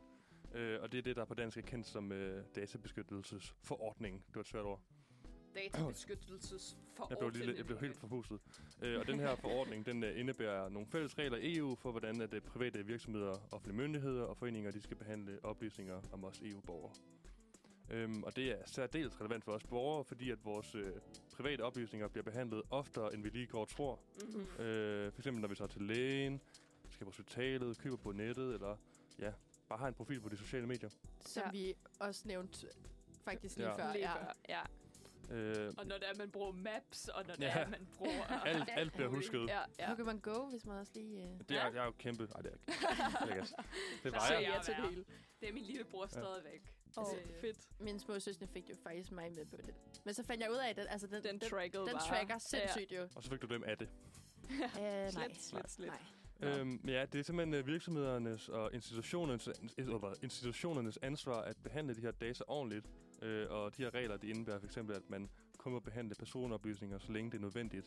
Øhm, og man må ikke give, videregive sådan personfølsomme data, og man skal være særdeles opmærksomhed, opmærksom på, at når man åbner mails eller surfer på nettet, øh, det skal vi ikke som brugere være, fordi det kan gå grueligt galt, hvis man ikke er forsigtig nok. Og det Ja. går galt, øh, foruden at det koster mange, mange øh, penge bøder, når der sker brud på øh, datasikkerhed, så går det også ud over os borgere, når der sker fejl. Øhm, og vi har nogle, nogle lidt foruroligende facts med fra, Uh. fra rundt omkring i verden. Øhm, jeg ved ikke, skal vi prøve at køre en lille sandt eller falsk? Ja, det kan vi Jeg godt. er så klar. Øhm, ja. Øh, ja. Øh, hospitaler de er hyppige mål for cyberangreb, især ransomware, som Uff. krypterer alt data på offeret, offerets enhed, så man ikke kan tilgå sin data. Øh, og behovet for at komme akut til behovet for akut at kunne komme til patientoplysninger gør, at hospitaler øh, er meget villige til at betale løsesummer end mange andre brancher. Øhm, og så nu har jeg nogle, nogle, nogle sandheder falsk. Øh, nummer et her. Øh, at 30 ser- øh, servere øh, blev for få år tilbage ramt af et ransomware-angreb på et universitetshospital i Düsseldorf i Tyskland. Øh, det medførte, at hospitalet afviste patienter til skadestuen. Her blandt en livstruet patient, der måtte køre 30 km til det nærmeste andet hospital, og døde, inden øh, ambulancen nåede frem. What? Er det Ej, sandt er eller det falsk? forfærdeligt. Det er vildt. Sindssygt. Altså, Altså, jeg håber det er virkelig, så det er specifikt, falsk. Ja. at jeg tror, det er sandt. Ja, det er rigtigt nok. Det er, det er sgu sandt nok. Og det er fucking Hold vildt. da op. Ja. Tænk, at det altså sådan et cyberangreb, altså det koster menneskeliv. Det er ikke bare... Men, men det gør det jo generelt også, Ja. fordi hvis man for eksempel tænker på, altså man bruger jo også øh, cyberangreb som et våben i krig. Ja. Fordi hvis du for eksempel lukker øh, et lands øh, militær ned, altså kan ja. gøre det digitalt, så har de faktisk ikke rigtig mange chancer for at beskytte sig. Det er så sindssygt, altså. Eller i krig, hvis det er, at du bare sådan lukker en, hvad det hedder, et, øh, et lands sådan medieadgang ned. Ja. Altså sådan, hvordan skal folk holde sig opdateret med, hvor de skal være? Ja. Altså kommunikation er jo så vigtig i forhold til koordinering. Det er vildt. Ja, altså man kan jo for eksempel tænke på også sådan der øh, samfund, som øh, også begrænser deres borgere, altså for eksempel Kina og Rusland og sådan noget, så mm. de Mm. også er nemmere modtagelige for propaganda, alt det her. Men det er sgu ret vildt, at man øh, ikke lige kan sidde, se til side, når der er en, der er ved at dø. En, der, ja, Ej, det er sindssygt. det siger systemerne, Ja. det må vi ikke. Vi tager, What? vi tager endnu en, øh, en kort sendt eller falsk. Ja, kom med og den. den lyder sådan her. Et arkivskab fra et dansk hospital blev solgt med indholdet af gamle patientjournaler. Wow. Den tror jeg skulle er god nok. Den tror jeg er sandt. Jeg tror, den er falsk. Ja, jeg tror også, den er falsk. Det håber jeg i hvert fald. Sindssygt. Den er, den er også sand. Okay. Ja. Ja. Så man har bare ikke lige tjekket, Ja. hvad der var i det der arkivskab, så folk alle deres... Øh, Ej, ej, men det er sindssygt, men, men jeg har også altså, hørt sådan generelt historier om, øh, hvordan øh, for eksempel i 60'erne og sådan noget der, hvordan de her øh, arkiver og journaler faktisk er blevet, blevet givet videre til alle mulige sådan, sjove ej, forsøg. ej, ej. Det er øh, totalt skørt, men, øh, men fuck, hvor er det også random. Altså. Hvor er det vildt nok. Jeg tænker Okay. måske, skal vi lige tage en lille en sidste, der er lidt en afstikker. Ja, lad os Okay. gøre det. Øh, og det, det handler om uh, USB-stik. Um, Uh. Og det lyder sådan her. Et enkelt USB-stik var for få år tilbage skyld i, at en international rumstations netværk blev inficeret med virus. Nej. Det føler jeg kun kan være sandt. Okay, Ej, det tror jeg simpelthen er for sindssygt. Det tror jeg simpelthen ikke på. jeg siger sandt. Ja, det er, det er for crazy, men jeg tror, det er sandt. Det er også sandt. Vildt. Ej, what? Okay, så de What? var alle sammen sande? Ja. Simpelthen. Nå. Ja. Ej, Fed sand eller falsk. Ja, Det hele er sandt. fucker lidt med jeres hjerne. Også bare Det sådan, kan kan I forestille jer, hvor stor en rumstation Ja. er? Med et USB-stik, der lige... Lige mister et USB-stik, så det, det, det er det eneste, Det var det. Ja. Men jeg var også sådan, jeg føler, jeg har hørt om det her. Ja. Så Vildt. Okay. Ja, men øhm, så øh, hold jeres øh, USB-stik for jer selv derude. Det, det er det Nå. eneste, vi kan... ikke sige- pille ved min USB. Tænk Noget, på vi- det som et magtfuldt våben. Ja, Ja. ja. Virkelig. Noget, vi ikke vil holde for os selv, det er det næste nummer, som vi vil Yeah. spille for jer. Ej, hvor er vi gode til de her transitions. Vi har her Brænd mig nu med De Forbandede. Oh yeah. Ja, og velkommen tilbage i studiet her. Øh, ondt, Ondfreds holdet er vi Ja. i dag. Øhm, og ja, skal vi lige, skal vi lige sige hej igen? Ja, lad os gøre det. ja. Jeg hedder Maiken. Jeg hedder stadigvæk Simon, tror jeg. Hej, jeg hedder fortsat også Eliam. Dejligt. Og jeg hedder også fortsat Marie. Altså, det er heldigvis, at det ikke har Det ændret sig stadig i løbet. sammen. Det kunne være ret sindssygt. Men i dag der har vi jo overvågning på programmet. Um, vi har lige snakket om uh, blandt andet noget GDPR. Hmm. Vi har også snakket om digital dannelse og generelt om noget overvågning i Danmark. Um, og altså det, jeg så har, taget med til jer nu, det er faktisk noget, som min veninde gjorde mig opmærksom på her for et par uger siden. Ja. Um, og det er simpelthen, altså jeg ved ikke, hvordan det, det lige er flået under min radar, men det er det i hvert fald. Og det er sådan, at uh, tilbage i februar, der har man faktisk uh, besluttet i Folketinget at arbejde videre på, om man kan bruge uh, slægtsforskning i praksis til uh, efterforskning. Og det vil altså sige, at her bruger man DNA til en statslig øh, database, som, hvor, altså det er meningen, at danskere frivilligt så skal registrere deres DNA. Okay. Ja, og det er jo sådan øh, lidt, lidt vildt at tænke på, at, øh, at så er det endnu en ting. Altså her, vi, nu har vi snakket ja. rigtig meget om det her med, at, at øh, det er data, som, som statslige instanser og sådan noget, der har på os, men nu er det altså også vores, vores DNA. DNA. ja, Det og, er- det, og det er jo efter, at, øh, at det er et borgerforslag på 50.000, øh, at det her det kom til, øh, til i Folketinget. Og øh, altså egentlig så siger man, at den her DNA-database, den kun behøver at være øh, samlet ligesom med DNA fra 2-5% af befolkningen for at kunne virke. Og altså, det er simpelthen man, noget, man, man vil kunne bruge i tilfælde, hvor politiet øh, har noget DNA fra, øh, fra gerningspersonen af en eller anden art. Øh, og så gennem, gennem den her DNA-database, så kan man altså få et bud på øh, mulige slægtninge til den her gerningsperson. Det lyder Øh, fuldstændig vildt. Ja, ud fra det, så kan man simpelthen så udarbejde et stamtræ øh, fra gerningspersonens forfædre og frem til nutiden. Øhm, og det er simpelthen sådan, at øh, man skal kun kunne bruge det her i tilfælde, hvor andre DNA-muligheder ikke kan bruges. Øhm, men altså sådan...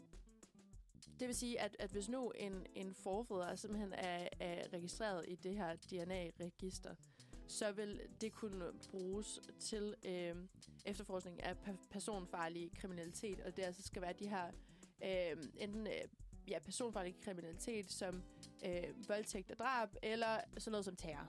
Ja, okay. Ja, og det er åbenbart en metode, som man faktisk øh, har brugt øh, både i USA, men også begyndt at bruge i vores nabolande, Norge og Sverige. Og der har man for eksempel i Norge i februar kunnet opklare en drabsag fra 1999 ved for første gang at bruge det her Det er slægtsforskning. nok. Hold da op. Ja. Øhm, umiddelbart, altså hvad, hvad tænker I så? Lyder det som en god idé? Spor- ja. Ja, man kan sige, når, når vi hører om det her med, med Norge, jeg føler altid, hvis øh, Norge gør noget, så er det sådan rimelig safe. Ej, men øh, jokes God aside, metric. Ja. Nej, for jokes aside, altså sådan, det er jo godt nok skræmmende, hvis ens altså DNA ligger et sted. Også når vi snakker om det her med, at den, alle de adgange, man giver, og sådan alle de spor, man sætter med ens digitale færden, sådan, hvad så med ens, altså sådan, det er jo ens DNA. Og hvis der sker et, altså ja, det, jeg synes, det lyder ret vildt, at det bliver opbevaret et sted, som potentielt folk har adgang til. Ja, altså jeg tænker også, at, sådan, at have en data- database med DNA sådan, er både noget, som der, der kunne være godt, men det er jo også sådan noget med, at, sådan, så at der kommer til at være den her sådan, konkrete database, hvor at folk vil kunne gå ind og tage den her DNA, og så måske sådan plante det på et, tid, hvad der, på et sted, og så frame en forkert person. Ja. Altså, det gør det mere tilgængeligt for, det, for, for den sådan, form for kriminalitet, føler Ja, jeg. på den måde. Det har jeg ikke lige tænkt over. Jeg kom til at tænke på, at der er jo allerede mange, der frivilligt øh, sådan putter deres DNA ud på, på internettet for at finde ud af sådan, deres forfædre og sådan noget. Det der MyHeritage. Nå, det er selvfølgelig Og rigtigt. Ancestry. Ja, sådan alt sådan Ja, okay. Så der findes jo allerede ret mange, der har sådan, gjort det frivilligt. Ja, og man har faktisk blandt andet også snakket om at bruge nogle af de her private DNA-databaser. Og præcis. jeg læste mig frem til, at i USA, der brugte man faktisk sådan nogle her private uh, DNA-databaser til at opklare uh, The Golden State Killer. Okay. Øh, Ej, det er mysteriet. spooky. Hold Ja, op. Det er ret sindssygt. Men igen, så har nogen afleveret deres DNA, fordi de vil gerne finde ud af, hov, har jeg nogle, øh, nogle øh, fjerne slægtninge rundt Ja. omkring i verden? Eller hvis nu man for eksempel er adopteret, så kan det også være et sted, øh, man kan finde frem til mulige ja. slægtninge, familiemedlemmer. Ja, okay. Øhm, men man kan sige, okay, altså grunden til, at jeg også har taget det her med i dag, det er i forhold til det her med overvågning. Fordi nogle kritikere frygter, at det her kan være en ny type overvågning. Ja. Altså fordi man jo som kan bruge det her værktøj øh, som en slags over, øh, øget overvågning af befolkningen. Øhm, fordi man heller ikke altså sådan umiddelbart ved endnu, hvad det så kan bruges til. Man snakker om de her, øh, de her rammer, men, men for eksempel i Sverige, der har man øh, altså brugt den her sag fra 2004, hvor et dobbeltdrab er blevet opklaret Ja. ja. øh, ved hjælp af det her slægtsforskning. Men det, man så ikke lige har taget med i mellemregningen, det er, at øh, der krænkede man altså svensk persondataret Ej. ved at bruge de her private øh, DNA-databaser. Jamen, Vanvittigt. det, det lyder ret vildt. Det er det nemlig, så det er også sådan, altså tager man det ligesom øh, alvorligt nok, Ja. og tager man de her forbehold hos efterretningstjenesten. Øhm, og så det, altså, der er jo også det her etiske dilemma ved, at man kan simpelthen også godt belaste sine familiemedlemmer og andre pårørende ved at aflevere sit DNA. Fordi har, har du først afleveret øh, det af en eller anden årsag, så er det jo vidderligt alle, der kan Ja. have bare en smule øh, tilknytning til dig af blod. Ja, der bare kan spores tilbage, fordi du har afleveret dit DNA. Jamen, det er ret vildt. Præcis. Men altså smart nok i forhold til sådan efterforskning, men ja, vildt nok for den almindelige borger, der forhåbentlig ikke skal efterforskes. Ja. efterforskes. Ja. Altså, det er i hvert fald ikke uden kritik og uden problemer, at det her øh, kan bruges. Men også bare helt vildt vanvittigt, hvis det kan gøre, at man kan opklare de her øh, kolde sager, som jo bare ligger i så lang tid. Ja. Ja. det er vildt. Men on that note, skal vi ikke... Og nu vi snakker om efterretningstjenester. Ja. Så skal vi så ikke have en sang, der hedder Good Stuff med Nikolaj Storm. Ej, Ja. ja. undskyld, Nikolaj. Værsgo. Og velkommen tilbage. Du øh, lytter til Manfred onsdags edition, og klokken er rundet 10.30. Yes, så vi har en halv time tilbage. af god underholdning. Af mega god underholdning. I dag snakker vi netop om overvågning, øh, og det fik mig med det samme til at tænke på den her sag, der er meget op i medierne for tiden, nemlig Ahmed Samsam-sagen. Og øh, jeg må bare erklære, at øh, jeg har fulgt lidt med i den her sag, men jeg har slugt den podcast, der hedder øh, Mørklagt Agent Samsam. Har I øh, fulgt med i sagen? Jeg øh, har ingen sådan overblik over, hvad, hvad det er, vi snakker om lige nu, faktisk. Okay, fedt. Altså, jeg har øh, læst forskellige artikelserier, både på øh, DR, TV2 og Politiken, øh, fordi det har jo været en, en så stor sag. Kæmpe altså. sag. Ja. Øhm, og jeg tror faktisk også, øh, jeg mener, de, øh, de lagde første afsnit af podcastserien også ud på genstart. Ja, det gjorde de nemlig. Det, det kører de jo nogle gange med, så, så jeg har hørt i hvert fald lidt af det. Ja, fedt. Altså, jeg kender til sagen, men jeg har ikke rigtig øh, dykket ned i den, eller man siger. Nej. Så jeg er spændt på, hvad du har at sige. Fedt. Jamen, øh, så vil jeg prøve at øh, fortælle jer om sagen. Det er jo en virkelig kompleks sag, så øh, jeg forsøger at holde tungen lige i munden. Øh, og så, øh, ja, vil jeg bare fortælle jer om, hvordan det her, det hvad det egentlig har med overvågning at gøre. Yes. Øh, fordi man kan sige, at overvågning lyder jo negativt, og det har vi jo også snakket om nu. Det kan det i hvert fald gøre. Øh, men altså, de fleste stater og lande, altså, de har jo efterretningstjenester, hvis job det er at indsamle informationer øh, om ting og sager, der muligvis skal udgøre en fare for, for statens sikkerhed. Øhm, og de her tjenester, de overvåger jo, det er deres job, øhm, og det er et super hemmeligt job. Øhm, så øh, ja, alt, alt hvad de laver, det er bare tophemmeligt. I Danmark, der hedder det, det har vi også snakket om, øh, politiets efterretningstjeneste, som forkortes PT, og forsvarets efterretningstjeneste, som forkortes FE. Ja, men den her øh, sag handler jo så om Ahmed Samsam, som er 33 år gammel. Ahmed han er dansk statsborger med syrisk baggrund. Og øh, i 2012, der rejser øh, Ahmed Samsam til Syrien, øh, fordi han er træt af at se på for sidelinjen, mens krigen i Syrien ødelægger hans forældres hjemland. Øh, han melder sig som soldat i den her gruppering, der hedder Trons Brigade, øh, hvis mål er at vælte regimet og fjerne Bashar al-Assad som præsident i Syrien. Ja, og det her er jo mange år siden. Jeg ved ikke, om I kan huske sådan... Vi har jo selvfølgelig ikke været super gamle, men alligevel gamle nok til at forstå den her krig. Øh, det var virkelig voldsomt øh, lige der i starten. Jeg ved ikke, om I kan huske sådan, hvad man har set i nyhederne og sådan noget. Jo, altså og, også fordi man kan sige, altså jeg kan huske, øh, da jeg var jo teenager, så det tror jeg, øh, krigen i Syrien var også ligesom mit første møde med sådan en, en stor krig. Altså, mm. fordi det er som om, altså man har godt vidst, der har været øh, krig i Irak og så videre, og Afghanistan. Men jeg tror, jeg har været så lille, så det er ikke noget, jeg har sådan tænkt øh, meget over. Nej, Jeg ved ikke, om I har, har det på samme måde. Ja, men præcis. Altså, jeg ved godt, det har fundet sted. Men øh, jeg har, ja, igen, jeg har været et barn, så jeg tror ikke, jeg, øh, jeg sådan har forstået alvoren af det på, på den måde. Øh, men nu har jeg så lært helt vildt meget om det øh, gennem den her øh, podcast og sagen om Ahmed Samsam. Øh, det, der sker, det er, at nogle år senere i øh, juni 2017, der øh, rejser Ahmed så til Spanien på ferie, en helt almindelig ferie, hvor han faktisk ender med at blive anholdt, øh, og det spanske politi sigter ham for terror. Øhm, efter retssagen så bliver Ahmed Samsam i 2018 idømt 8 års fængsel øh, for at have kæmpet for islamisk stat i Syrien øh, i årene her 2012 og 2014, hvor han rejste til Syrien. Øh, Ahmed fortæller så i retten, at han kæmpede med de syriske oprørere og ikke med terrorgruppen IS. Og det er jo en kæmpe forskel, og det er her, det bliver super spændende. det er, at han fortæller også, at han var ansat af FE og PET, de her danske efterretningstjenester, på sin rejser til Syrien. Øhm, men det her, det bekræfter de danske efterretningstjenester ikke over for de spanske anklager. Og derfor sidder Ahmed altså i fængsel i 3,5 år i Spanien for nogle rejser til Syrien, hvor han har været ansat af de danske efterretningstjenester, som jo burde have hans ryg, fordi han er agent for de her efterretningstjenester. Det er, er officielt, at det var han, eller hvad? Det er officielt for både Berlingske og DR har flere kilder, der bekræfter øh, det her samarbejde mellem Ahmed øh, og efterretningstjenesterne, men Ahmed sidder altså stadig i fængsel. Øhm, What the Men, fuck? men det er også fordi, altså nu har jeg jo bare lige lyttet til det første ja. afsnit, mener jeg, at når han taler, altså når journalisten ligesom taler med ham, så lyder han jo ikke umiddelbart som, som det her menneske, man forestiller sig kan være øh, spion. nej, det er nemlig Øhm, det. Ja, så det, Ja. ja. det er virkelig interessant. Altså sådan, men til at starte med, så tror man slet ikke på, sådan, jamen selvfølgelig er det bare noget, han siger. Jamen, Ahmed Samsam har haft en øh, kriminel løbebane, siden han var 15 år gammel. Han har været ind og ud af fængsler og ungdomsinstitutioner.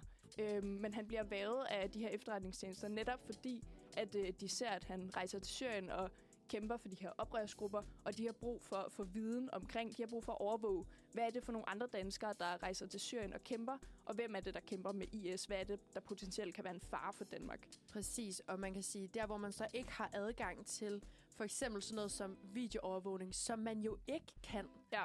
andre steder i verden, så er vi jo nødt til at have andre mennesker Ja. til at overvåge for efterretningstjenesten. Præcis. eller anden måde. Spioner. Det lyder, The jo, Spy. altså, det lyder jo sådan som en eller anden sindssyg actionfilm, en Ja. spion. Men det er jo det, efterretningstjenesterne gør. Det er jo det, de, de har en masse spioner. De væver en masse folk for at hjælpe dem med at undersøge i miljøer og områder, hvor at de måske ikke selv kan komme.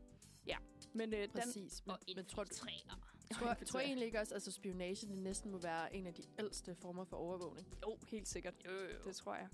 Ja, men øh, der er så sket det, at øh, Ahmed Samsom er blevet overflyttet til Danmark, hvor han øh, afsoner sin dom nu. Øh, og den her dom løber stadig til november 2023. Så om et halvt års tid har han altså afsonet hele sin dom, uden at der er sket noget. Han har bare siddet i fængsel. Øh, men nu er det så, at øh, PT og FE så står i kæmpe problemer, fordi de har fået et super dårligt ry. Både øh, blandt folk, de gerne vil væve, altså agenter og folk, der kan hjælpe dem med at, at ligesom overvåge og udspionere, men også blandt de andre efterretningstjenester, fordi man tænker ud i, i de andre lande, sådan, de, de har jo ikke styr på det i Danmark. De, hvis de lader en agent sidde i et fængsel, og ikke bekræfter, at han har arbejdet for dem, så må der jo være et eller andet galt. Så øh, nu er spørgsmålet, som om det kommer til at, at betyde noget for Danmarks sikkerhed, at, øh, at øh, den her sag, den fylder så meget, og de danske efterretningstjenester. Altså, øh, man må sige, de står lidt i, øh, i problemer. Øhm, ja, De har jo et ansvar, og de burde tage det ansvar, og Ja. det har de ikke haft. Ja. ja, så det er, det er lidt... Der er ikke, øh, de har svært ved at væve nye agenter, og hvad betyder det så for, øh, hvordan efterretningstjenesterne kan øh, ja, ligesom overvåge i Danmark og opretholde nationens sikkerhed? Jeg får også Ja. bare tænkt, altså sådan, nu, nu fortalte jeg jo lige før omkring det her med DNA, og det er jo også efterretningstjenesten, som skal kunne øh, bruge det. Og jeg, og jeg tænker bare sådan igen, hvis, hvis der er på den måde problemer internt, og de ikke tager ansvar, øh, hvad så når der for eksempel er brud på, øh, på øh, datarettigheder i forhold til brug af DNA og sådan noget Ja. der. Altså, så, så får man jo lidt de der dystopiske forestillinger om sådan, åh oh, nej, Ja. det kan bare blive brugt imod os, så videre. Ja. Det er en super spændende sag, og jeg kunne snakke meget længe om den, men det har vi desværre ikke tid til. Vi skal øh, slutte af med lidt, en lidt bedre øh, historie, men den tager vi altså efter et øh, lækkert stykke musik. ja, det gør vi da. Og det lækre stykke musik bliver simpelthen Glasvæg med Charlotte Amalie. Nå, velkommen tilbage i studiet. Uh, vi er ved at være ved de sidste små 20 minutter uh, af dagens udsendelse af Undfred. Yeah. Og vi har jo snakket om overvågning, og jeg synes måske, vi bevæger os i en, i en lidt, uh, lidt kritisk, dystopisk sådan uh, vibe her i studiet. Ja. Men vi er, lidt- vi er lidt bange for, hvor uh, vores uh, data havner, om, om hvem vi bliver overvåget af, fordi vi faktisk uh, har meget lidt uh, adgang til uh, information omkring det her. Men jeg synes måske også, at vi skal snakke om nødvendigheden af overvågning. Yeah. Fordi der er jo en grund til, at vi har det øh, her i, i verden. Og altså Og- også bare slutte lidt på en positiv note. Ja, og give jer en, en god historie. Ja, og man kan sige, altså nu har vi lige snakket om øh, brugen af øh, overvågning i øh, PET, efterretningstjenesten, øh, som jo er nødvendig. Og altså et andet sted, det kunne være nødvendigt, kan jo være øh, på forskellige institutioner. Og altså, vi, øh, vi har derfor lige en, en vigtig øh, og måske nødvendig historie med. Øh, og det er sådan, at på en institution i Brande, der trodser personalet nemlig loven om, at de ikke må overvåge deres beboere. Øhm, det gør de på grund af øh, Anders Mosegaard, som er en mand på 39 år, men som kun mentalt er øh, 11 måneder gammel. Okay. Ja, og øh, de har altså brug for at overvåge ham, fordi han vågner om natten og har svært ved at finde ro igen, hvor han så derefter begynder at gnave i madras, sengetøj, pyjamas og så videre. Okay. Det er faktisk sådan, at øh, Mosgaards øh, far har sågar fået øh, specialfremstillet en plakat på en akrylplade, øh, så han ikke kan spise den. Så Okay. øh, vi har altså en mand her, som, som ikke er i stand til at tage sig af sig selv, Ja. Spiser ting, som kan være øh, livsfarligt farligt. for Ja, ham. ja. Og teknisk set, på grund af den lovgivning, der er i Danmark, så må personalet ikke overvåge ham. Okay, vildt. Hvad, hvad, hvad tænker I om det? Altså, det er jo... Øh, der kan man sige... Det er jo sagen, der øh, ligesom på en eller anden måde... Øh, ja, hvordan siger man det? Sådan ændrer øh, synet på, man kan sige, hvis, hvis al overvågning bare blev, blev tilladt, sådan, så ville man tænke, åh oh, nej, hvem er det? Altså, sådan, hvad skal de så sidde og overvåge ældre mennesker, eller hvad sådan, på plejehjem, hvad skal der ske? Men det her, det er jo et tilfælde, hvor at, øh, Anders Mosgaard her er til far for sig selv. Sådan, det ville jo være helt crazy, hvis de ikke måtte overvåge ham, og altså, det endte katastrofalt. Der kunne ske alt muligt. Jeg tænker også et eksempel på, at, at, at i nogle situationer, så øh, må det være altså, sådan, personerne tæt på, om der er ansvar for, hvad øh, må gå, gå, ud- over loven på en eller anden måde. Altså, det, bliver lidt rigidt på en eller anden måde. At, Ja. sådan at, okay, hvis, at det er bare forbudt. Min tanke er også, at sådan, det må vel lidt være den, sådan, den anden side af mønten på en måde. Altså, det er jo Mm. mm. sådan, det er jo rent faktisk fordelagtigt, at man så vil kunne være i stand til at hjælpe ham, nemlig når det er, at sådan, man ikke har ressourcerne til at sådan, eller ressourcerne, eller øh, hvad det hedder, lov til rent faktisk at sådan kunne, ja, behjælpe ham, og sådan ikke, al, hvad det hedder, sørge for, at det er, han ikke, ja, begynder at spise alle mulige mærkelige ting og sager. Ja, det jeg synes, der er mest... Altså det der med, at han, kan, altså, gør, han gør skade på sig selv, eller sådan, det, er jo, det er jo virkelig nødvendigt, at der er overvågning på ham. Om det så er en, der sidder og holder øje med ham om natten, når han sover, eller en optimering af det her, at han bliver overvåget øh, med kamera.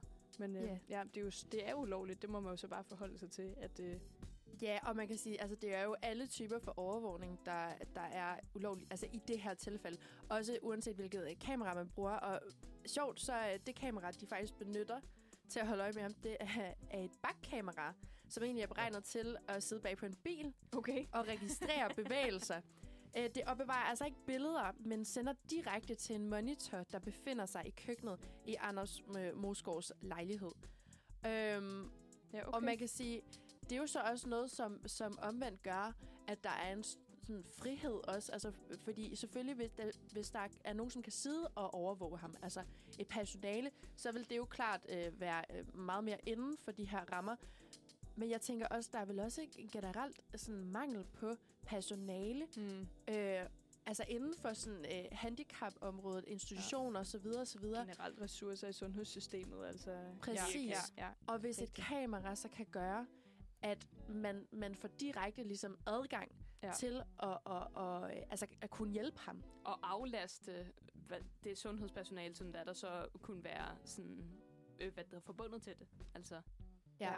Præcis. Ja, jeg hører heller ikke, at det sådan er varme hænder, der ligesom bliver taget fra øh, en patient, der har brug for det. Det er jo om natten, når han sover, sådan forstår jeg det. Øh, ja, bare sådan, at øh, kameraet skal forhåbentlig ikke erstatte øh, plejepersonale, men, øh, Nej, nej, nej, naturligvis. men, men men- mens han sover, der giver det... Men der står det her med, at, at det er specifikt om natten, Ja. hvis han vågner op og begynder at spise et eller andet, eller er til fare for sig selv. Ja. Og man kan sige, det er også derfor, det er sådan, altså det er en meget personlig, altså sådan historie, det, eller det, det er sådan en enkelt sag, hvor det giver super god mening, at, at faktisk ændre de her regler lidt, måske. Ja. Altså, der er jo en grund til, at vi har så specifik en lovgivning, øhm, fordi det netop ikke skal være til adgang for alle at kunne overvåge alle. Men altså lige i den her situation, så, så synes jeg faktisk, det er lidt vildt, at reglerne de er så, så stramme, Ja. at, at det må man faktisk slet ikke. lovgivning er en svær. En svær Størrelse. størrelse, ja. Ja, Ej, og det er det virkelig. Det er Men det altså en, en god historie, at man kan bruge overvågning på sådan en positiv måde, og ligesom, ja, dem, der øh, har brug for det, kan, kan bruge det på den måde. Ja, om, altså generelt, så kan man jo, øh, hvis vi igen lige vender tilbage til, at vi slog, slog ordet op, altså enten så handler det om at, beskytte eller kontrollere. Og altså sådan, vi kan jo altid vende faktisk stort set alt, hvad vi har snakket om i dag, ja. til, hvis vi bare kigger på den her med at beskytte, Mm. altså beskytte vores samfund. Øhm, I det her tilfælde beskytte øh, en, en mand, øh, som kan være øh, i livsfare for, altså for sig selv. ja. Øhm, så ja, den, den bevæger sig på, på vægtskålen ja, lidt herinde i studiet. Ja. ja. Men øh, nu hvor vi har haft den her øh, lidt fede historie, skulle vi så ikke også lige have et fedt stykke musik? Helt sikkert. Jo, det tænker jeg da helt klart, vi kan. Øhm, og vi er rent faktisk kommet hele vejen igennem den øh, rotationsliste, som det var, vi havde her i dag. Så min tanke er, at vi øh, nu har at gøre med Floating med Your Hands. Kære Johannes Brandstrup, som også er at finde her på Uniradioen. Måske er han med i morgen. Jeg ved faktisk ikke, om han er med i morgen. Men i hvert fald så er det, vi har her Floating med Your Hands. Den får I lige her.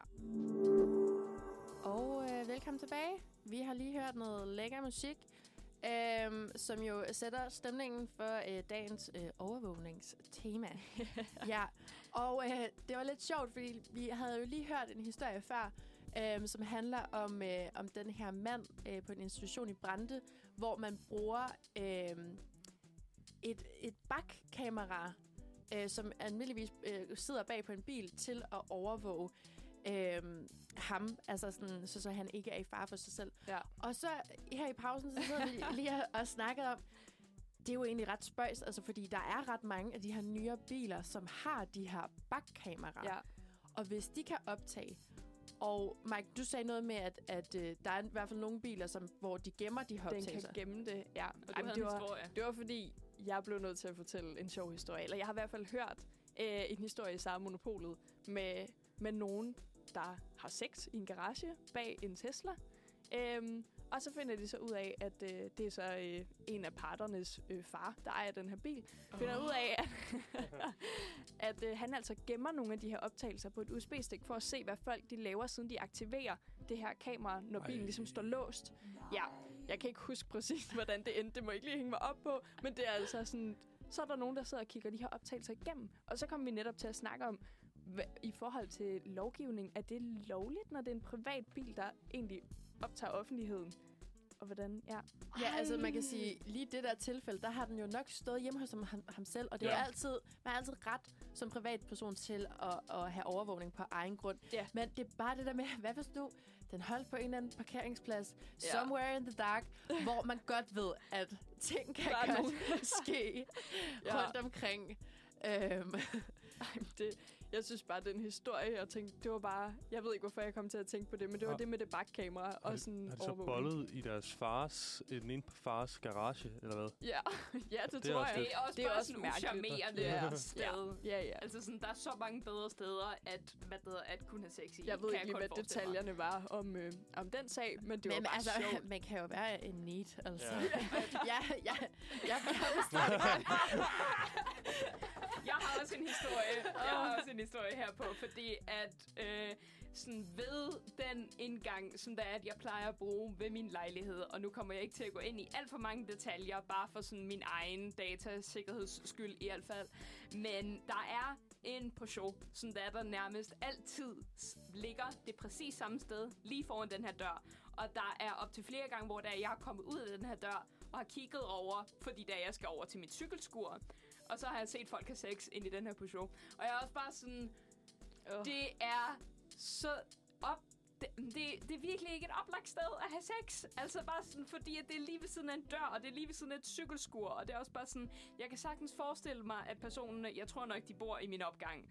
Så min tanke er nok også sådan, enten har de et barn, og at de så, øh, hvad det hedder, sådan, har brug for at sådan, ja, tage sexlivet væk fra lejligheden. Jeg tror også, de er in it for the thrill. De Altså, tænder, på, helt tænder på sikkert. specifikt på den bilmodel, sikkert. Ja, Ja. ja, men altså, jeg fik bare tænkt, når du fortæller den her historie, hvad hvis nu, der så holder en Tesla foran, ikke? Altså, Nej. og, og, altså, der måske lige bliver tændt en lille kamera, ikke også? Altså, også fordi, når det er et offentligt sted, ikke? Så kan det jo godt være, at man lige får fanget et eller andet på kameraet. I hvert fald, så kan du jo lige give et sh- shout-out. I kan finde bilen her her, og så... øh, Ej, Ej, det har jeg eddermame ikke Nej. lov til. Øhm, Men øh, for at I forhold til den danske lovgivning, så er jeg ret overbevist om, i forhold til, om det der er lovligt, så længe at du er en del af samtalen, eller sådan den korrespondence, sådan der, der bliver sådan enten optaget sådan på video eller på lyd, så tror jeg nok, det er okay. Jeg er ikke Ja. ja. 100% sikker på det, men vi snakkede om det øh, i min klasse for ikke særlig lang, lang tid siden. Så ja, det er ulovligt, det der skete der. fedt Ej, men for altså... at, ja, lige afrunde overvågningstemaet, så er det altså overvågning på mange planer, og både for sikkerhed og for kontrol. Øh, vi har forsøgt at komme rundt omkring det. Ja, så vi håber, Ja. I har lært lidt. Og i virkeligheden for, for at afklare og afmystificere det her overvågning lidt, men, men altså, om man er med at være en smule mere forvirret, det kan også godt være, faktisk. Men det er Ja. også fint. Men så er det jo godt, at vi skal Forvirret, til men noget... oplyst. Ja, præcis. Forvirret, men oplyst. Det tror jeg også er målet nogle gange med programmet. Og Øhm. livet er forvirrende, og det er så fint. Og altså sådan, man må bare lære at køre lidt med strømmen. Speaking of strøm, så er det, at det, hvad det, det kommer til at regne her i dag. Vi har, hvad det hedder, grader nede på en 7 grader, og vi har højdegrader på en 10. Lige nu så er... Øh, lige nu så er det, det er 8 grader, men det føles som 5 grader på grund af vinden, og der kommer til at regne mellem klokken 12 og klokken 18 her i dag. Og så er vi altså ved at være, øh, eller ved at skulle afrunde det her øh, afsnit af Undfred. Vi kan jo lige hurtigt sige, at på næste onsdag, Ja. så skal vi have den fedeste Ej, det bliver så godt. øh, dobbelt afsnit, hvor yes. vi ligesom kører klima og klaver. Og yes. det er nemlig fordi, der er øh, den her FN-klimarapport, som vi har snakket om i første del af afsnittet. Ja. øhm, som vi lige skal runde en lille smule. Og så er det simpelthen international klaverdag. Yes. Og det skal i næste uge. fejres Det big skal time. det. Det skal yes. det. Og vi har været dine værter for i dag. Jeg har været Eliam, Simon? Maiken, Og Marie. yes. og vi tænker at sende jer ud på den her øh, dejlige, dejlige sang, der hedder Pau Pau med FVN. I har lyttet til Manfred Undfred, øh, og klokken er 10.57. I må have en virkelig, virkelig dejlig dag derude.